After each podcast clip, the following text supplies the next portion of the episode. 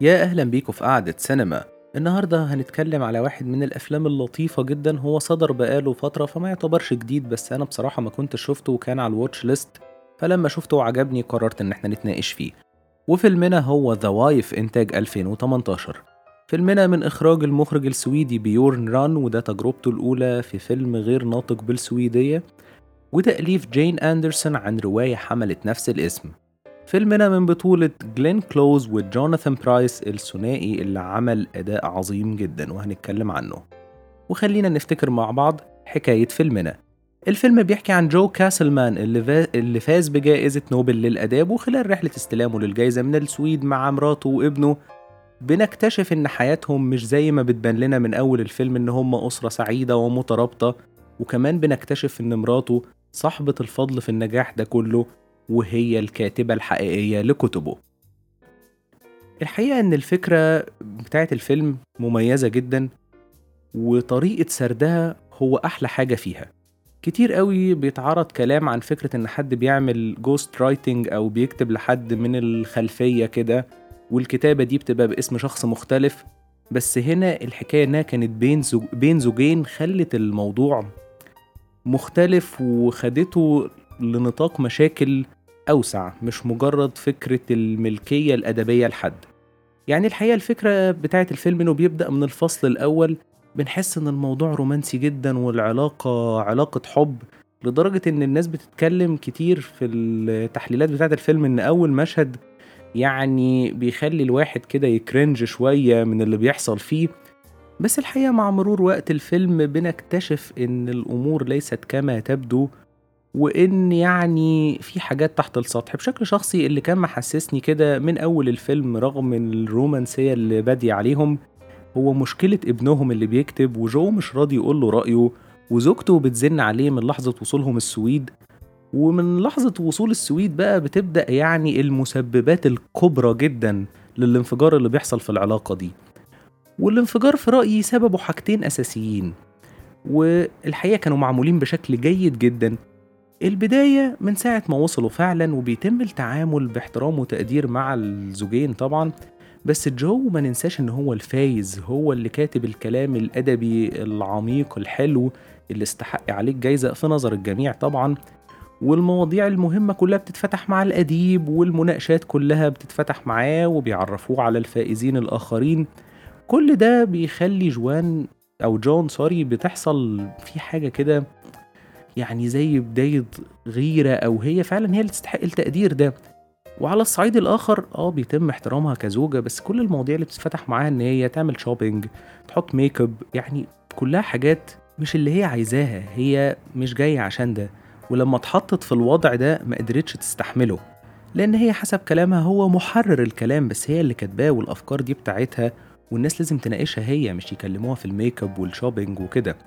السبب التاني وهو بداية النار الحقيقية فعلا هو ناثانيال شخصية كانت معمولة حلو جدا ولعبها ممثل اسمه كريستيان سليتر.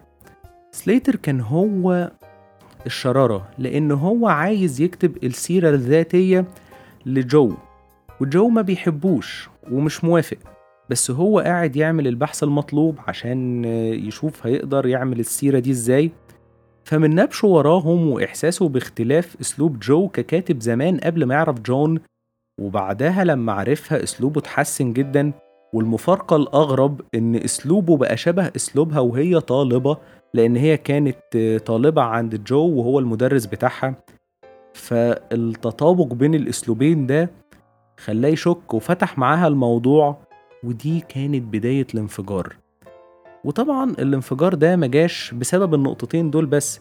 طبعا زي ما قلت نقطة ابنهم دي كمان نقطة أقل شوية كمان من المشكلة الكبرى إن جو بيخونها باستمرار ومش بيديها التقدير ده غير مجرد آه أنت صاحبة الفضل ده وكله بس هو في الآخر برضه كل حاجة باسمه وهو اللي أخد الفضل كله قصاد العالم. من ضمن الحاجات اللي عجبتني جدا في الفيلم كمان وتطرق ليها هي عالم الكتب نفسه. في واحد من ال flashbacks جون بتقابل واحدة من الناس اللي في المجال الأدبي كاتبة وبتقول لها إن كتب الستات مش بتحظى بالاهتمام ده أصلا ومكانها الرفوف. وده أحد الأسباب ويمكن السبب الرئيسي اللي خلاها تعمل جو واجهتها وإنها مش عايزة أفكارها ما الناس ما تناقشهاش أو ما تهتمش بيها أو تبقى مجرد كلام على الرفوف. لأ هي عايزاها تكون موجودة حتى لو عن طريق جو. والحاجة التانية اللي كانت غريبة جدا كانت وهي صغيرة شوية تقريبا أول ما اتخرجت أو في أواخر دراستها كانت بتشتغل في دار نشر. فجون سمعت الناس بيطلبوا آه، كاتب يهودي علشان يبقى موجود في دار النشر. كأن دي كوتا لأن الاهتمام الإعلامي إن تقريبا لازم يبقى فيه كاتب يهودي وواحد أفكاره شكلها كذا أو ديانته كذا. فتحس إن الأساس والتقدير ما بيحصلش على آه، فكرة الكتابة والأفكار اللي بتطرح أو الجودة. لأ إحنا عايزين حد ديانته كذا أو واحد من آه، وسط كذا. يعني الموضوع كله قائم على الشخصيات والأوساط اللي جاية منها. ودي حاجة فكرتني بفيلم بيردمان آه، وكواليس النقاد وممثلين المسرح اللي تم طرحها وإزاي الناقد ممكن يعلي حد وممكن ينزله. وهنا برضو الموقف كان متشابه جدا وحسسني إن الكفاءة مش هي المعيار الوحيد. الحاجة اللي عجبتني برضو جدا ويمكن دي النقطة الأخيرة اللي حابب أتناقش فيها هي الشخصيات وهنا الشخصيتين الأساسيتين. هبدأ طبعا بشخصية جون لأن هي بطلة الفيلم. حسب كلام المخرج الفيلم عن زوجة كلاسيكية بتاخد بالها من جوزها وبتعمل كل شيء علشان ينجح وفجأة بيحصل التغير ده. ده الملخص بتاعها. والحقيقة أنا ما عنديش كلام كتير قوي أقوله عن شخصية جون مش عشان هي قليلة أو عدم تقديري ليها بالعكس تماما. أداء جلين كلوز هو الشخصية كلها. هي كان بيتريقوا بيقولوا إن هي بعد الفيلم جوناثان برايس بيقول إن هي بقت جلين close-ups لأن هي كل حاجة بتعبر بيها بوشها. ال close-ups اللي عملها المخرج خلتنا نشوف أداء عبقري وهي قد الموضوع ده. مش كل الممثلين بينجحوا في امتحان ال close-ups لا هي كانت قدها وأدت مشاعر معقدة جدا. وأخص بالذكر فكرة إن من ابتداء خناقة ابنهم معاهم في السويد لحد استلام الجايزة وهي بتعمل أداء رائع. وكان جزء من حاجة حلوة جدا في الفيلم كان الإخراج والمونتاج. والموسيقى كان الجزء ده حلو جدا في الفيلم ولكن أداء جلين كلوز كان عظيم جدا وهي الوحيدة اللي ترشحت عن الأوسك... للأوسكار عن الفيلم ده. وعلى ذكر أداء جلين كلوز الجميل جدا الممثلة اللي عملت شخصيتها في الفلاش باك كانت هايلة جدا واختيار موفق من ناحية الشكل والأداء. بس بصراحة هو لازم يكون موفق من ناحية الشكل لأن هي بنتها أني ستارك وكانت عاملة أداء حلو جدا. بصراحة فاجئني أنا مكنتش أعرف إنها بنتها في الأول بس ظبطت جدا ونادرا يعني لما بشوف الحكاية دي بتظبط في ال flashbacks. الممثل اللي عمل شخصية جو كان كويس بس مش بنفس العظمة اللي كانت فيها أني ستارك. نروح بقى لشخصية جو اللي لعبها جوناثان برايس بأداء جامد جدا. وهو كالعادة لما بيدخل في أي مشروع بيبقى من مصادر تقله والراجل ده حتى من وهو صغير آه، أدواره حتى لو كانت صغيرة برضه بتكون حلوة. فاكر إن هو في فيلم The Age of Innocence مع سكورسيزي آه، عمل دور صغير بس كان لطيف جدا. وكمان لما كبر طبعا عمل الأداء العظيم جدا آه، في The Two Popes مع انتوني هوبكنز والحقيقة الاتنين كانوا عاملين ثنائية جميلة جدا. هنا برضو جوناثان برايس بيعلي الفيلم جدا. واعتقد إن هو أحد أسباب أداء جلين كلوز الجميل جدا إن هو بيعمل شخصية مستفزة جدا وعرف يحبكها جدا. خاصة إن جوناثان برايس من الناس اللي الوهلة الأولى بحس إن هو ممكن يكون يبان طيب ما يطلعش منه الحركات دي. فعمل دور حلو جدا.